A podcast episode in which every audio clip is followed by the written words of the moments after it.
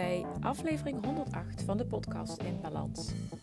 En in deze aflevering stel ik je graag voor aan een stoere, maar ook meteen lieve krachtvrouw. Onderneemster en docent Lisa van der Veken, 100% lefwijf. Maar dat voelde ooit heel anders. In deze aflevering vertelt ze openhartig over een periode in haar leven waarin ze zichzelf geen 10 voelde, maar bijna minder dan een 1. Ze kan het gelukkig navertellen en hoe, want zij heeft enorm veel geleerd over zichzelf. Dat deelt ze hier en ze inspireert ook haar klanten en studenten ermee. Laat dit interview ook jou inspireren als jij wil leren hoe je meer voor jezelf kunt kiezen in je werk en de rest van je leven.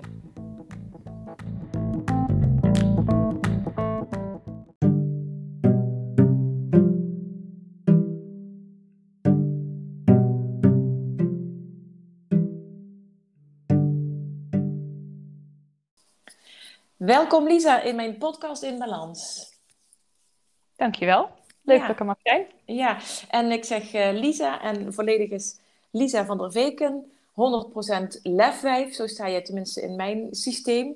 Um, ja. Dat is, uh, dat is ja, waarom, ik, uh, waarom ik jou ook heel graag wilde interviewen voor mijn, in mijn podcast In Balans. En ik begin altijd bij elke gast met de ijsbreker.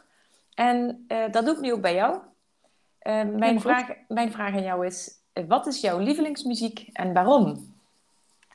Oeh, ik heb niet één soort lievelingsmuziek, want ik luister echt van alles. Mm -hmm ik ben op momenten, maar dat is meer een liedje waar ik op momenten heel veel naar luister.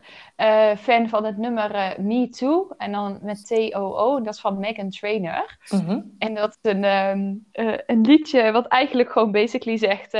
If I was you, I would wanna be me too. Oh ja, die ken ik. Ehm, ja, en ik vind het echt een heerlijk nummer één gewoon om op te dansen. Ja. Ik vind het heerlijk om gewoon lekker even... Dat luister ik dus onder de douche, hè, s morgens vroeg. Ehm, eh, en dan ook gewoon op repeat vijf, zes, zeven keer achter elkaar. Uh, om gewoon lekker op los te gaan. Uh, en om ook gewoon lekker met een positieve vibe op te staan. En ik vind ook gewoon de tekst wel, wel lekker. Ik, nou ja, daar zullen we het straks vast nog wel meer over hebben. Maar ik ken genoeg vrouwen die te weinig in zichzelf geloven. En nou, dit nummer helpt daar wel bij, laten we het zo zeggen. Ja, klopt. Ik, ja, ik, ik ga er ook meteen op aan. Want we hebben daar ooit een dans op geleerd. En we moesten daar ook echt zo een beetje arrogant bij lopen. Zo van, uh, ik zou mezelf ook leuk vinden als ik mezelf was of zoiets. Of zo. Ja, wat is dat? Als ik mezelf zag. Ja. Mooi. Heerlijk. Ja. ja. Hey, um, wil je jezelf kort voorstellen voordat ik nog de vier uh, standaardvragen op jou afvuur? afvuur. Ja. ja. Is helemaal goed. Uh, nou ja, ik heet uh, Lisa en uh, ik zeg altijd, uh, ik ben heel erg veel, maar ik ben bovenal heel erg mezelf. Ik ehm, ben werkzaam binnen mijn eigen bedrijf als coach voor ondernemende vrouwen die zichzelf veel kleiner houden dan dat ze willen zijn, die zichzelf steeds saboteren in hun eigen succes, die een, heel graag een heel tof groot bedrijf op willen zetten, heel veel impact willen maken, maar ondertussen uh, alles behalve daar naartoe op weg zijn, omdat ze zichzelf steeds tegenhouden, zichzelf niet voldoende uit durven spreken, echt durven te laten zien. En dat komt vaak vanuit uh, ja, een innerlijke onzekerheid dat het hun toch niet gaat lukken, dat ze niet goed genoeg zijn, dat er niemand op hun zit te wachten, dat ze te veel zijn, et cetera. En die help ik om letterlijk vol lef, dus middels zowel coaching sessies, als ook gewoon echt met lefdaden door uit de vliegtuig te gaan springen, slang om je nek te gooien, um, uh, te gaan upseilen. Nou, je kan het zo gek niet bedenken. Daarin echt het vertrouwen in zichzelf te creëren. Maar hey, fuck it, ik kan de hele wereld aan. Uh, alles is voor mij mogelijk. En uh, daar dus ook echt voor hun waardig gaan staan. Dat is één ding wat ik doe. ja. Ik ben, ben, enorm onder de indruk. Ik, ja, ik was net te gast in jouw podcast. Ik ben belang, bang, of ik ben al lang blij dat daar geen uh, vliegtuigen en uh, spinnen en slangen en zo uh, aan te pas konden komen. Het is altijd nog mogelijk als je wil hoor. um, maar dat, dat, is één deel van wat ik doe. En ik werk daarnaast ook nog een aantal dagen in de week aan de Hogeschool van Amsterdam als docent bij de opleiding verpleegkunde. Mhm. Ik ben moeder van uh, twee kindjes. Uh, Jens van vier op een moment. En Gijs uh, wordt bijna twee over een goede maand. Mhm. Ik woon in Amersfoort. Um, en ik doe vooral heel veel dingen waar ik blij van word. Wauw, dat is een mooie samenvatting. Zo, dat, die laatste aanvulling. Ja, ja. ja en dat, dat is wel belangrijk. ja, is zeker belangrijk. En dat is ook iets waarin wij bij, wat wij beiden nastreven uh, in ons werk en in ons leven. Tenminste, zoals ik jou uh, ja, mhm. heb leren kennen. Um, om te doen waar je blij van wordt en daar dan weer andere mensen blij mee maken. Ja, en ook daarmee anderen te inspireren, want dat lijkt heel gewoon, maar is het voor heel veel helaas niet. Ja, klopt. Ja. Oké, dan de vier vragen. Um, de mhm. eerste voor jou is: wat is voor jou balans? Ja, dat is een hele goede vraag. Uh, balans is eigenlijk voor mij uh, dat ik lekker in mijn vel zit um, en dat ik goed voor mezelf zorg. En vanuit daar alle dingen kan doen die ik wil doen. Uh, dat ik voldoende energie heb om de dingen te doen die ik wil doen. En ook gewoon mezelf happy en fijn voel. Mm -hmm. En dat zit hem vooral in een gevoel en niet zozeer in dingen die ik doe. En kun je dat nog wat meer toelichten? Want dat is wel interessant wat je nu zegt. Ja, ehm, balans is voor, mij, is voor mij iets wat ik zeg maar van binnen voel. En dat creëer ik door allerlei dingen. Het kan voor mij soms zeg maar heel erg in balans zijn om keihard te werken op het moment dat ik helemaal in een happy vibe zit en uren doorgaat, tot soms diep in de nacht. Mhm. En het kan net zo hard balans zijn om gewoon de hele dag geen flikker te doen, lekker in bad te liggen en, eh, en een wandeling te maken. Ja. En voor mij zit dat vooral in op momenten dat ik, daarom zei ik net ook, doe waar ik blij van word. Um, en wat ik ook nodig heb, waar ik behoefte aan heb, dan voel ik mij in balans. Ja, oh wat mooi, want het is dus inderdaad, um, daarin heb jij dan ook, dan zoek je dan daarin ook weer een balans natuurlijk. Het ene moment schiet je helemaal uh, door, bij wijze van spreken, in uh, gaan, ja, gaan met die banaan en ik zit er nu mhm. lekker in, dus uh, wie houdt mij nog tegen? En daar staat wel tegenover vervolgens dat je ook zomaar een dag uh, gewoon uh, helemaal niks doet en uh, alleen maar aan het rusten bent. Ja, ja en er staat ook, weet je, er zijn ook momenten dat ik, nou, binnenkort ben ik twee dagen achter elkaar weg van thuis, was ik laatst ook. En dan is het ook weer in balans als ik daarna even een tijdje weer wat meer tijd met het gezin doorbreng. Ja. Ehm, maar ik doe het allemaal. en ook zolang het voor mij en voor ons gezin goed voelt. Ja, ja dat, dat, dat is een soort van constant inchecken bij jezelf om te weten wat je nodig hebt. Ja, ja, dat doe ik meerdere keren op een dag. Ja, ja. Ja, mooi is dat. En dat is inderdaad ook wat ik uh, voor mezelf heb gecreëerd, maar wat ik ook mijn, um, mijn klanten dan leer. En het mhm. grappige is inderdaad in het, in het interview wat jij net, of eh, toen jij mij net coachte voor in jouw podcast, stelde je mij ook een aantal keren die vraag: van wat heb je dan nodig? Dus dat kun je op meerdere facetten van je leven, kun je dat vragen in meerdere rollen. Zeker, ja. En ik denk dat dat ook wel misschien wel de meest belangrijke vraag is ook. Die je jezelf gewoon regelmatig zou mogen stellen. En dan, ja, ik zou hem dan eerder formuleren als je hem zelf stelt in... Oké, maar waar heb ik nu behoefte aan? Mhm. Ehm, en dan ook voor jezelf weten uh, wat dan dingen zijn waar jij zeg maar goed op gaat. Mhm. Dingen waar jij blij van wordt. Want mij moet je niet vijf keer in de week in de sportschool zetten. Want dan wordt, nou in ieder geval, misschien is het over een jaar anders. Maar op dit moment word ik daar hondsongelukkig van. Dan ga ik heel snel uit balans. Ja. Je moet mij ook niet 14 uur lang op een bed laten liggen. Of uh, twee dagen aan het strand uh, zeggen dat ik niks mag doen. Ja. Maar voor iemand anders werkt dat helemaal perfect. Dus daarin is het ook wat past bij jou. Ja, ja mooi. Ja, en dat is inderdaad uh, wat ik dan ook zeg. Vind je eigen ritme daarin. want wat voor, voor jou werkt, werkt voor een ander juist misschien helemaal niet. Dus um, ja. Ja, en in het kader daarvan komt de tweede vraag. Wat kost jouw energie en wat geeft jouw energie? Uh, ja, daar kan ik heel uitgebreid antwoord op geven. Maar um, uh, nou ja, wat mij energie. Soms is het namelijk hetzelfde ding. Wat mijn energie kost en wat mijn energie hmm. geeft. Um, soms ook helemaal niet. Wat mij energie kost sowieso zijn, is negativiteit. Dat mm -hmm. kost mij energie. En uh, dat kan al zijn met uh, mijn kind die mij op het moment even een stomme mama vindt. Uh, maar ook iemand die kritiek uit of gewoon een omgeving waar veel geklaagd wordt. Um, maar ik ben ook, weet ik van mezelf, dus na hier lang zeg maar, mee bezig te zijn geweest, wel best wel gevoelig voor een grote hoeveelheid prikkels. Dus grote groepen, zeg maar. Mm -hmm. En dat kan ik dat vind ik super leuk vaak op het moment. Ik ga heel graag naar events en netwerkbijeenkomsten. Maar tegelijkertijd kosten dat soort momenten mij altijd heel veel energie. Mm -hmm. Omdat ik opensta voor alle prikkels. wat mij energie geeft, ehm, zijn dus ook wel juist dat soort dingen. Maar dan vooral de inspiratie, de gesprekken met mensen. Uh, maar ook heel erg dus in bad gaan is iets wat mij heel veel energie geeft. Um, lekker een uur buiten wandelen. Uh, luisteren naar uh, toffe podcasts of motiverende speeches. Ja. Ademhalingsoefeningen geven me heel veel energie. Knuffels geven me heel veel energie. Gewoon lekker lichamelijke aanraking. Um, Mooi. Een kopje thee drinken. Ja, echt. Ik heb wel een heel groot scala hoor. Dus we kunnen hier uren over doorgaan, maar dat zijn al een aantal dingen. Ik heb chocola nog niet gehoord, of staat die niet in jouw lijstje? Ja, dat geeft me wel energie, maar dat is meestal voor de hele korte termijn. Dus dat is niet iets wat op de lange termijn, nee. nee. Dat ze heel veel energie geeft. Nee, maar gewoon die, die eerste hap eh, samen met je kopje thee, zo'n chocolaatje of zoiets. Oh ja, maar dan wel 85% of hoger. Ja, ja, precies. Ja, ja, ik snap je. ja. ja. Nou, um, in, het, um, in het lijstje van vragen staat nu dan de volgende weer. Uh, wat is op dit moment jouw grootste uitdaging? Heb je wel een uitdaging? Oh, ik heb altijd uitdagingen. En als ik er geen heb, dan verzin ik weer een nieuwe. Oh. Uh, zo zit ik ook wel in elkaar. Wat op dit moment mijn grootste... En heb je een, een, een specifiek gebied waar je eh, op doelt? Of uh, nou ja, de vragen gaan natuurlijk over balans. Maar het mhm. gaat vooral ook over jouzelf en um, ja, jouw reis, zou ik het willen noemen. Dus het proces waarin je, waarin je zit. Ja. Nee, dan zou ik zeggen dat de uitdaging op dit moment er vooral zit in dat ik... Uh, ik ben natuurlijk ondernemer. Um, en ik vind het echt, nou ja, ik vind het heel leuk om te netwerken. En op het moment ontstaan natuurlijk, zeker na die hele coronaperiode, weer hele toffe, leuke initiatieven met workshops, met netwerkbijeenkomsten, met events. En de een naar de ander komt voorbij en ik denk overal, ja, ja, ja, daar wil ik bij zijn. Mhm.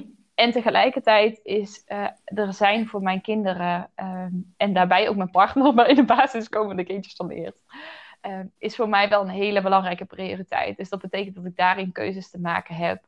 Um, en ook wil maken met wat ga ik wel doen, wat ga ik niet doen. Ja. Maar dat vormt soms nog wel een uitdaging, omdat ik soms het liefst op twee plekken tegelijk zou zijn. En dat gaat nou iemand niet. Nee, nee. En dat dus eigenlijk, als, ik dan, als je het dan heel concreet maakt, de uitdaging zit hem er dan in om die keuze te maken en tegen jezelf te zeggen: daar mag je niet naartoe. ja, vooral dit doe ik niet. Dus, maar ook uh, het kan ook zijn dat ik een deel bijvoorbeeld wel doe. Ik ga volgende week ga ik naar uh, een super toffe training toe. Um, en dan werd in de mail nog gevraagd van ja, het, het is ook de mogelijkheid zeg maar, om te blijven eten. En ik weet dat dat super goed is. één om te netwerken. Twee, dat ik het super leuk vind. Ik weet dat er hele toffe mensen komen. Mm-hmm. Maar die dag is mijn vriend jarig. Dus ik ben al weg voor die training op zijn verjaardag. En de kindjes zijn er s middags niet, maar s'avonds wel. En dan vind ik het gewoon echt belangrijk om dan die dag dus aanwezig te zijn. En hoe leuk ik zo'n etentje dan ook vind. Dat betekent dan dus, ik ga niet. Mm. Ja. Maar dat is ook wel, dat hangt voor mij wel... Sorry. Nee, zeg maar. Nee, zeg maar. Ik wil zeggen, dat hangt voor mij ook wel echt samen met balans. Ik weet heel duidelijk wat voor mij de prioriteiten zijn. Um, en, en waarin ik dan dus keuzes kan maken.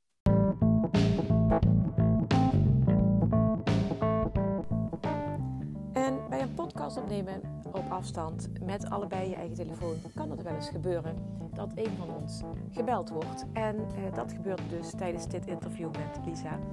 En er viel dus even een stukje weg, maar we pakken de draad gewoon weer op.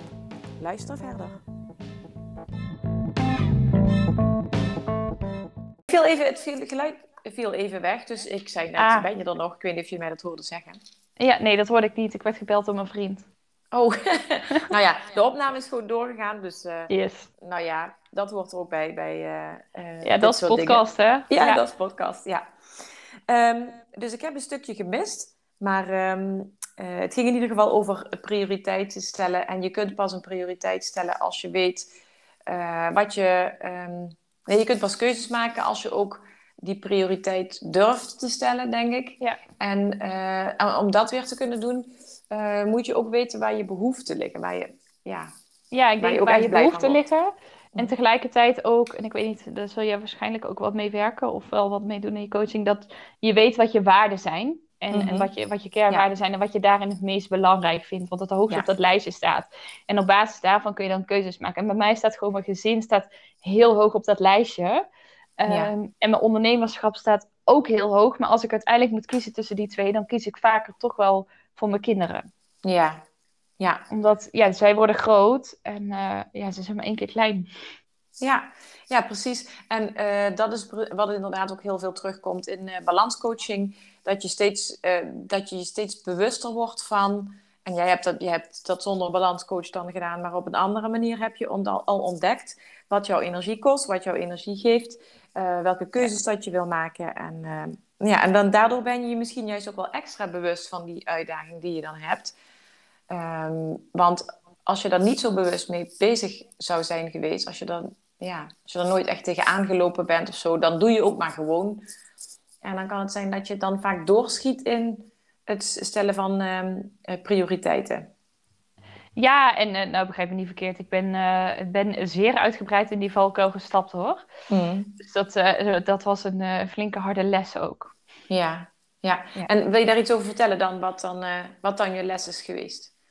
Ja, nou in het heel kort. Ik heb een postnatale depressie gehad uh, vier jaar geleden. Toen, uh, hij is gediagnosticeerd toen mijn uh, de oudste, toen Jens een half jaar oud was. Mm-hmm. En dat was omdat ik mijn prioriteiten totaal verkeerd had gesteld, zeg maar. En mm-hmm. mezelf zo ongeveer op de allerlaatste plek um, in het lijstje had staan. Yeah. Wat, merkte dat op, wat maakte dat op een gegeven moment alles mijn energie kostte en ik niks meer trok. Ja. Um, en dat, tot het moment dat ik suicidaal ben geworden. En ik zeg dat nu heel makkelijk, maar dat is gewoon omdat ik het al heel vaak verteld heb. Mm Wauw. En dat was voor mij wel een hele, hele, hele harde les. Ja, ja dat is uh, nog zacht uitgedrukt dan, denk ik. Ja, en het is ook een les die ik niemand zou gunnen. Nee. En tegelijkertijd, ja, dit gaat heel stom klikken wat ik nu zeg. En tegelijkertijd ook weer wel. Ja, ik vind het helemaal niet stom, want dat is wat er gebeurt. Uh, soms heb je gewoon even zo'n uh, ja, zo'n live event of iets dergelijks in negatieve zin nodig om ja, met je neus op de feiten gedrukt te worden. Ja, ik hoop altijd alleen, uh, zeker als ik nu mensen spreek, dat ze dat moment niet nodig hebben voor die tijd al ingrijpen. Mhm. Alleen, uh, nou ja, ik had het toen nodig en ik zie sommige mensen hebben het ook gewoon nodig. Die gun ik ook van harte dat ze nog even wat verder dat randje overheen gaan. Ja, ja ik, ik snap helemaal wat je bedoelt. Ja. Ik weet wat er daarna aan lessen en learning uit gaat komen. Ja, je krijgt er zoveel moois door um, daarna cadeau van, van, van het leven, van het universum, waarvan dan ook. Ja. Ja, nou dankjewel dat je dat hier hebt uh, willen delen. Want ik denk dat dat ook heel inspirerend zal zijn voor, um, voor luisteraars.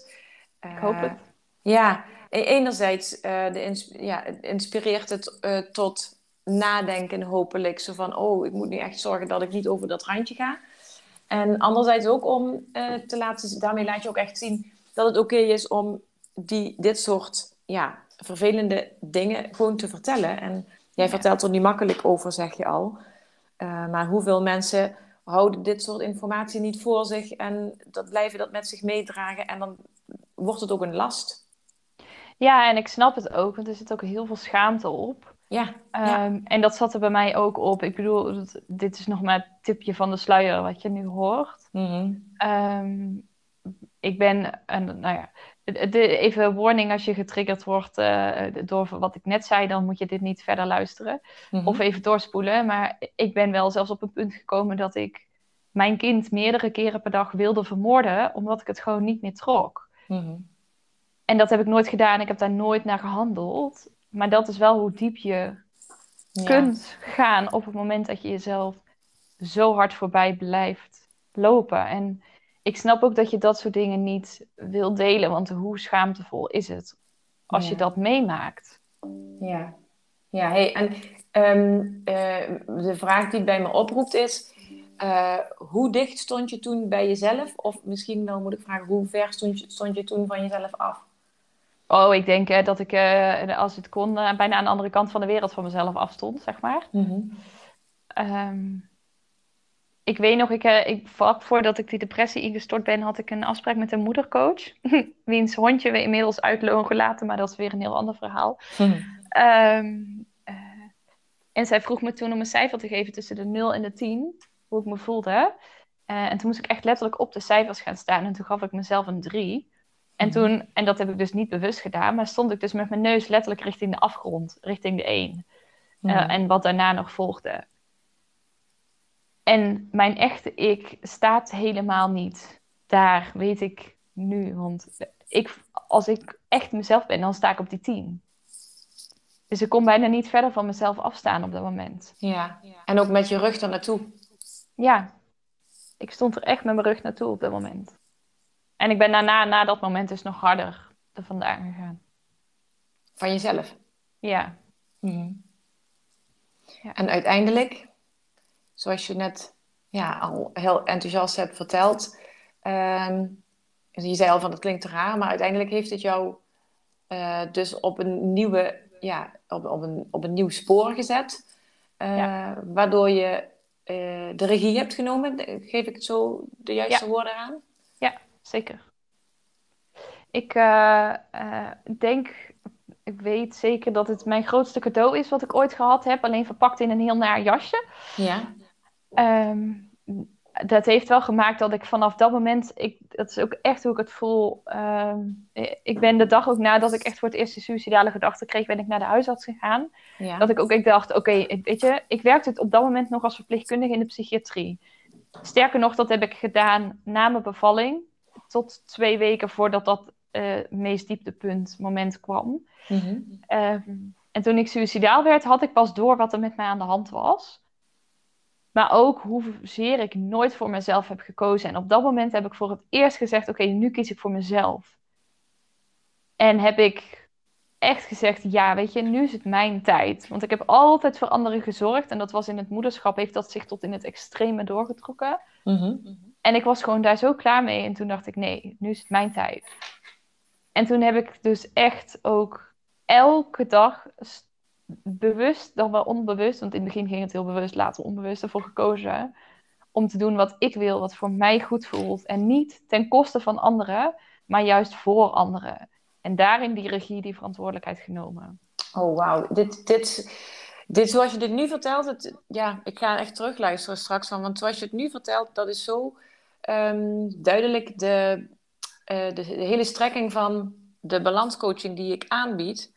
Uh, want het is zo, um, ja, uh, het, je, de, ja, je leven hangt er letterlijk, jouw leven en dat van andere mensen hangt er letterlijk en figuurlijk van af. Dat horen we nu in jouw verhaal heel duidelijk. Mm -hmm. Van hoe, uh, hoe goed je voor jezelf kunt zorgen en of je in staat bent om jezelf belangrijker te maken dan nummer 10 of minder.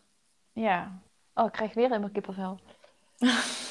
maar ik geloof echt dat juist door voor jezelf te zorgen. Ja, weet je, het is zo cliché, die metafoor van het vliegtuig, maar het is zo waar. Dat door je eigen zuurstofmasker eerst op te zetten, kan je dan ja. pas van je kind opzetten. En wat ik deed was gewoon constant dat van, nou ja, voorheen, voordat ik moeder werd, altijd dat van anderen opzetten. Letterlijk ook als verpleegkundige. Ja. Was ik altijd met die ander bezig. Dat is ook wel beetje het makken van het verpleegkundige beroep. Je hebt de mogelijkheid om met alleen maar anderen bezig te zijn, zeker in de zorg. Niet alleen als verpleegkundige, maar überhaupt in de zorg een mooi bruggetje naar jouw doelgroep. Ja, ja. ik hoor dat, hem. Dat is echt wel het makken van de zorg. Um, je kunt de hele dag met alles en iedereen bezig zijn. Dan word je op een gegeven moment ook nog eens moeder. Dan kan je ook nog eens daar je energie op storten en je aandacht aan geven. En het is heel makkelijk om jezelf te verliezen daarin. Ja. Maar als je in dat vliegtuig zit en je zet eerst dat zuurstofmasker van je kind op, dan kan jij letterlijk doodgaan. Ja. En ik ging bijna ook letterlijk dood, alleen dan op een andere manier. Ja, als jij dit nu hoort ook en denkt, oh shit, dat doe ik ook echt, ga eerst zorgen voor jezelf. Want daardoor leef je op. En dat gaan je, gaan je kinderen ook gewoon merken. Ja, dat kan niet anders. En jij zelf ook. Ja. ja, en dat is inderdaad, uh, als jij uh, jouw, jouw kinderen um, voelen dat aan. Zij voelen, zij voelen feilloos aan, want zij zijn nog niet door allerlei dingen ja, gebrainwashed, zou ik bijna willen zeggen. Van hoe je je hoort te gedragen en wat je hoort te denken. Maar kinderen zijn intuïtief nog veel sterker en voelen feilloos aan als jij als mama uh, niet goed in je vel zit. En zij zullen daarop reageren. En in een vervelende Zeker. situatie, uh, in het meest vervelende geval, uh, zullen zij niet rustig worden daardoor en zich terugtrekken, maar zullen ze ja, jou gaan triggeren met huilen of wat dan nog ander ja, ja, waardoor je nog gefrustreerder wordt en zo. En alleen maar in zo'n cirkel naar beneden belandt. Ja, ja, ja, precies. Ja. ja. Um, Oké, nu is het mijn tijd, zei je net. En ehm, jij ging, dat is, dat is wat je, ik heb het met twee uitroeptekens geschreven uh, hier. Nu is het mijn tijd. Ehm, hoe ging jouw omgeving daarmee om? Want tot dat moment dat je zei, nu is het mijn tijd, uh, was iedereen natuurlijk ook van jou gewend dat jij er altijd voor hen was. Collega's, vrienden misschien, familie. ja. Hoe reageerde men erop dat jij het roer om moest gooien of ging gooien? Ja, nou in het begin was dat op dat moment nog niet zo heel extreem. Want dat betekende letterlijk dat ik. Uh, ik ging voor mezelf kiezen, maar kon nog niet zo heel veel. Uh, dus dat betekende vooral op dat moment voor mijn vriend dat hij wat meer voor ons zoontje ging zorgen. Uh, dat hij er s'nachts zijn bed vooruit moest in plaats van dat ik dat altijd deed. Mm -hmm. Uh, en daar moest hij wel even aan wennen, maar hij pakte wel heel snel die rol. Dus daar zat in het begin nog niet zo heel veel verandering. Het werd, op het, moment, het werd echt merkbaar op het moment dat ik uit die depressie kwam. En toen ook zei: Oké, maar er zijn gewoon dingen die ik niet meer ga doen. Uh, uh, en dat, nou ja, dat begon eerst praktisch met ook gewoon dingetjes in het huishouden die me energie kosten. Uh, maar ook dingen op het werk, dat ik bijvoorbeeld ging vragen aan collega's om sommige gesprekken over te nemen. En dat ja, in eerste instantie ging dat redelijk geleidelijk, omdat nou ja, ze willen dat best een paar keer doen. En op een gegeven moment gaat het al met meer opvallen. Uh, maar toen, ja, ik ben het gewoon altijd heel erg aan het uitleggen geweest. Ik heb dit gewoon nodig om te blijven functioneren. En als mhm. je wil dat, dat jullie lekker in je vel zitten, omdat ik er ook lekker bij loop, dan, dan is het wel handig om dit op die manier te doen. Maar wel ook uitleggend van, oké, wat maakt het het belangrijk voor mij is? Welke reden zit erachter? Hoe ver wil ik wel en niet meedenken? Ja, ja dat punt waarop ik het Oh. Ja, zeg maar. het punt waarop ik het wel echt gemerkt heb, de impact, is dat ik op een gegeven moment, ik heb de vriendschappen ook verbroken. En eentje gewoon echt uitgemaakt, zoals ik het zelf uh, omschrijf. Mm Is omdat ik, uh, nou, omdat ik op een gegeven moment echt ook ben gaan kijken, oké, ehm, wie, niet alleen wat, maar ook wie geeft me energie en wie kost me energie. En daarin erachter kwam dat er een paar mensen, en vooral één iemand op dat moment in mijn omgeving waren, die mij heel veel energie kostte en dat ik daar nauwelijks energie van kreeg. Um, en dat had allerlei redenen. Dus dat was uit balans? Dat was zeker uit balans, ja. En dat had verschillende redenen die ik, nou ja, voor haar ook niet hier zal bespreken, maar wel maakte dat ik het toen uh, de vriendschap eindigd heb. En dat kwam wel heel hard binnen. Ja, ja dat snap ik.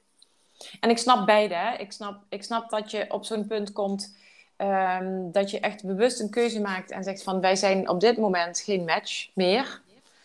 Ehm, en ik snap ook dat het heel lastig is, want je zit natuurlijk wel met z'n tweeën of misschien wel meer in een bepaald systeem waarin je aan elkaar gewend was om dat zo te doen altijd. Ja. ja, en ook iemand die je dan al wel heel lang kent, waarmee je zelfs mee op reis geweest bent. Weet je, dat, uh, dat vraagt wel wat. Ja. Ja. Het heeft ook heel veel tranen gekost. En ik heb ook regelmatig nog aan haar gedacht. En mezelf er regelmatig toe aan moeten zetten om geen contact op te nemen. Ehm, eh, omdat ik dat vanuit vertrouwdheid wel wilde, maar ik wist dat het niet goed voor me was. Ja. En inmiddels ehm, heeft dat wel ook weer heel veel ruimte gemaakt voor vriendschappen die wel heel veel energie geven. Dus dat is wel de andere kant. Mooi. Ja, en dat zijn ook wel dan de, de, de, ja, de meest moeilijke stappen die je bewust zet, waar het waar het, ehm, het hebben van een depressie en uh, suïcidale gedachten of gevoelens uh, moeilijk zijn. Um, dat is iets wat je meer overkomt of zo, waar je mhm. dan niet bewust naartoe beweegt. Um, ja, ik heb het niet expres gemanifesteerd. Nee, nee, toch niet. Was, dat, dat leek je geen goed idee. Nee. Uh, nee, is dan toen, dat je dan vervolgens gaat groeien als persoon, in, qua bewustwording en qua uh, voelen wat je nodig hebt. En mhm. dat je dan van daaruit een hele moeilijke stap gewoon gaat nemen zelf. Dat, hoe krachtig is dat? Ja. ja, ik ben er nog steeds heel blij mee dat uh, het zo heeft uitgepakt zoals het nu is. Ja. ja. En dat had ik van tevoren nooit kunnen bedenken. Nee. Ik had ook van tevoren niet kunnen bedenken toen ik jou uitnodigde om deze podcast te gaan opnemen dat dit het thema zou zijn wat uh, uitgebreid aan bod zou komen. En uh, dat, uh, dat is ook prima, um, want ik vind het juist heel intrigerend hoe iemand een heel levensverhaal kan, met, met zich mee kan dragen. En je bent vandaag al de tweede die iets vertelt waarvan je denkt, jezus, mens, wat heb je meegemaakt? Uh, En dat je dat dan zo, ja, dat je dat dan zo open durft te vertellen, dat vind ik gewoon alleen maar heel, um, heel mooi en bijzonder. Want uh, nogmaals, ik hoop dat dat inspirerend mag zijn voor anderen. Ik hoop het ook. Dat, En dat is ook wel de reden waarom ik het vertel. Ja, Dankjewel uh, en, en, daarvoor. Ja, en niet alleen voor inspiratie, maar ook... Ik weet dat heel veel mensen ermee... Wat je net al zei, wat mensen ermee wel rondlopen... of wel met dit soort gedachten. En dat wil niet zeggen dat je een depressie hoeft te hebben... maar wel gewoon soms met... Oh, het is wel zwaar, zeg maar, dat je het dan niet uit durft te spreken. Ja. Uh, maar weet dat het zo anders kan worden... dan je nu ooit voor mogelijk hebt gehouden... als je bereid bent om er wat mee te doen. Ja. Goh. Ja, ja, mooi is dat. Je zegt het heel mooi.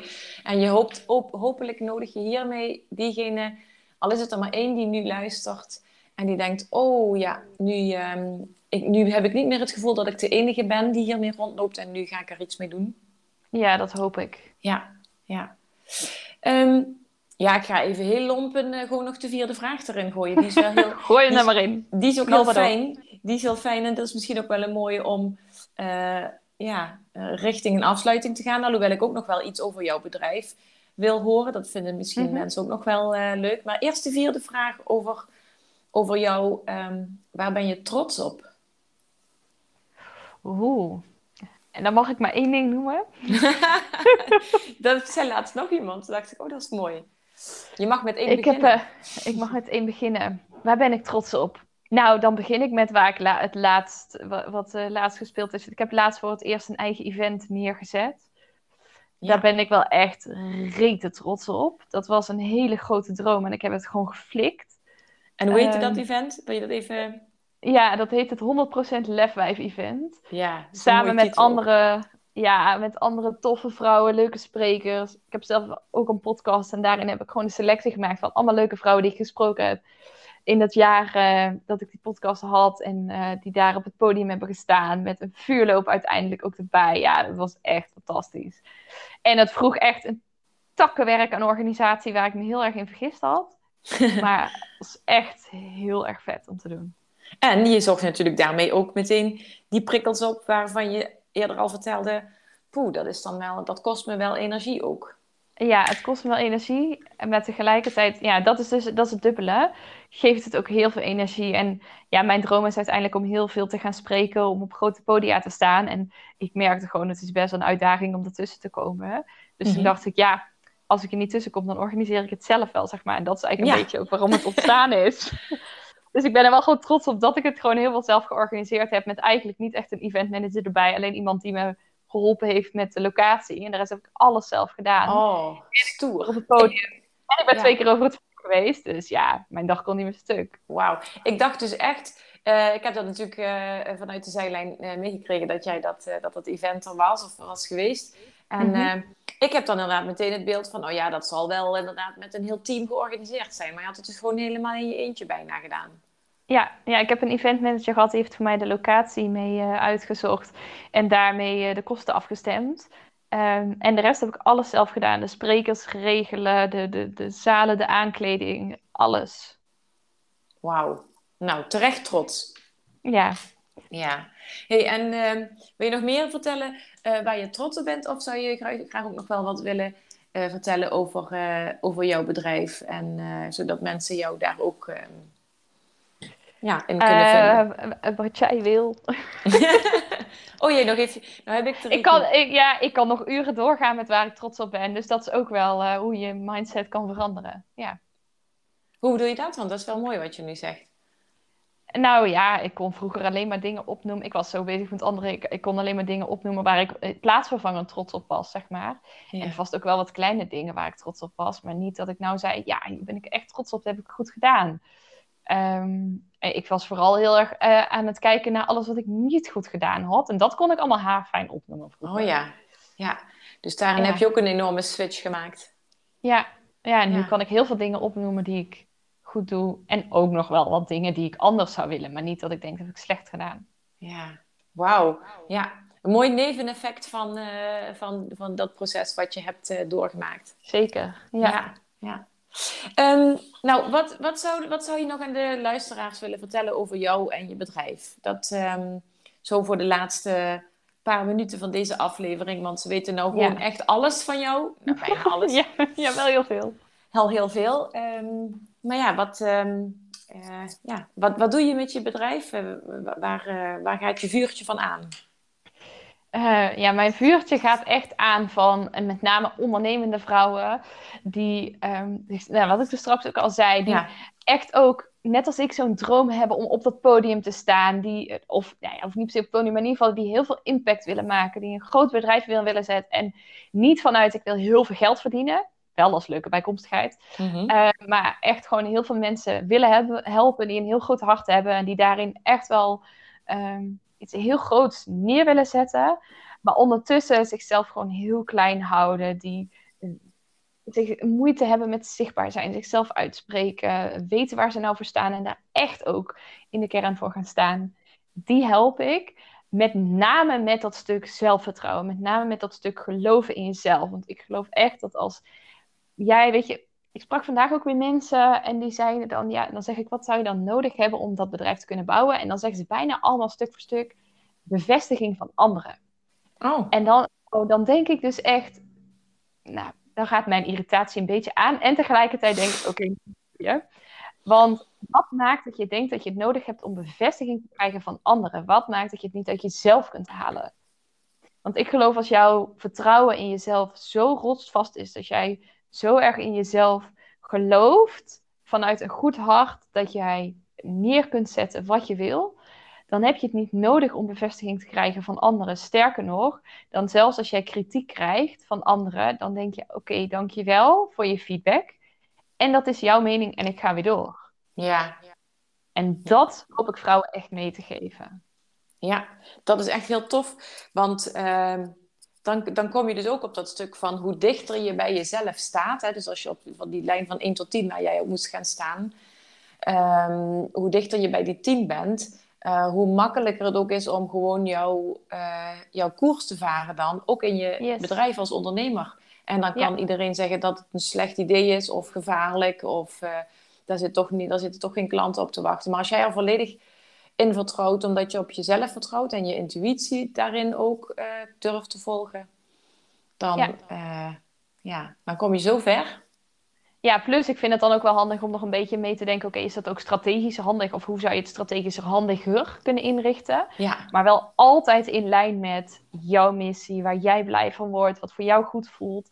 En dan daar volledig all in op durven en kunnen gaan. Ja, ja. Ja, ik heb het net zelf aan een lijve kunnen ondervinden hoe je dat dan doet. Want uh, uh, ja, wij, uh, wij spraken af vandaag. We hadden elkaar nog niet eerder eh, gesproken, maar ja, door, nee. door een berichtje via Instagram kwamen we bij elkaar uit, kwamen erop uit om dit te doen vandaag, een podcast swap. Heel leuk, ja. Ja, ja echt heel tof. En um, ja, en mooi om te ervaren, ik mocht dus net bij jou in de, in de coachingstoel zitten en jij hebt mij ook wel weer echt enorm aan het denken gezet over hoe ik, um, ja, hoe ik mij nog meer vanuit mijn intuïtie en in combinatie met durven kiezen voor een bepaalde niche uh, weer een stap kan zetten in, uh, in mijn bedrijf. Nog meer richting waar ik voor ook echt hier op aarde ben, zal ik het ook maar even lekker zwevelig maken. Ja, heerlijk. Daar hou ik ook van, zwevelig. Ja. En om dan in balans te blijven. Aan de andere kant moet er gewoon ook geld in het laadje komen. Dus uh, eens. Dat, uh, dat gaat dan allemaal samen. Ja, ja dus echt die combinatie van oké, okay, vanuit die intuïtie en dan strategisch meekijken. Maar de basis ligt echt bij oké, okay, jezelf. Bij waar sta je voor, wat wil je, waar word je blij van, et cetera. Ja, ja. ja en dat, dat word je blij. Waar word je blij van? Dat is wel een beetje zo, zo'n uh, zo'n rode draad in, in jouw verhaal, privé. Ja. En, um, en als ondernemer. En wat je ook weer aan je klanten doorgeeft. Zeker. Ja, ja. Is er verder nog iets wat jij nu graag wil delen met de luisteraars, zo aan het einde van deze podcastaflevering? Ik zit te denken, is er nog iets wat ik extra wil toevoegen? Nee, ik zou vooral zeggen dat als je nu luistert en je denkt, oh ja, maar ik zou heel graag zo die happy vibe willen hebben, ook richting de team willen komen, maar ik heb echt geen idee hoe Nou, dan moeten ze even naar jou toe. Want uh, dan ga jij zorgen dat ze daar ook gaan komen. Ja, ja, zeker. Nou, dankjewel.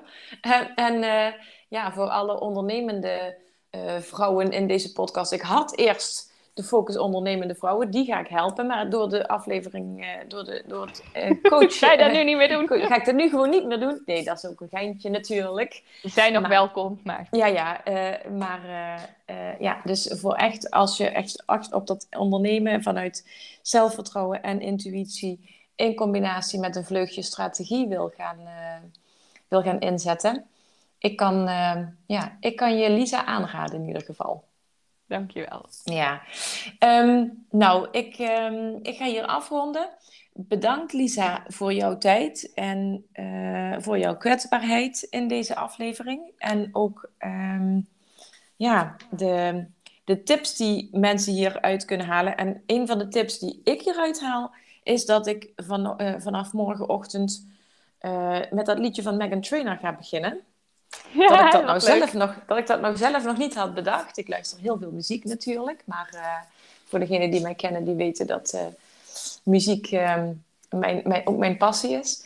Uh, maar, ja, maar het werkt natuurlijk supergoed om te beginnen met zo'n, om je dag te beginnen met zo'n echt feel good, met zo'n echt feel good nummer. Ja. Dus, Weet je wat ook een heel leuk nummer is trouwens? Dat ja? typeert ook wel een beetje mijn verhaal, maar dat, dat gun ik ook iedereen. This is me is ook een ja. heel mooi nummer. Ja, ja. die uh, zit ook in mijn uh, kaartenset. Ik weet niet of je dat uh, had meegekregen ergens, maar ik heb een kaartenset voor degenen die dat ook nog niet weten. Regels die je raken. En daar zit die, This is Me, daar zit, die zit daar ook in. En oh, dat, mooi. Zijn, dat zijn inspiratiekaarten. En ik, ik dacht nog straks wat, dat ik baalde dat ik dat nummer van Megan Trainer, dat ik die ene zin die jij zei, dat ik die er niet in had gedaan. Dus het is voor een volgende Wie weet ooit bij een tweede dek. ja. ja. Nou, um, Lisa, nogmaals dankjewel voor je tijd. En uh, de gedaan. Ja, luisteraars, bedankt voor het uh, luisteren. En als je geïnspireerd bent geraakt door het verhaal van Lisa of door wat je van mij hebt gehoord, stuur gerust een berichtje aan uh, een van ons. Als je mij iets wil vragen of wil delen, dan mag je een mailtje sturen naar info.anoukzonnemans.nl. En als je Lisa graag iets wil vragen, dan mogen ze dat doen via... Uh, ja, of info.lisavandeveken.nl en anders op Instagram ben ik heel veel.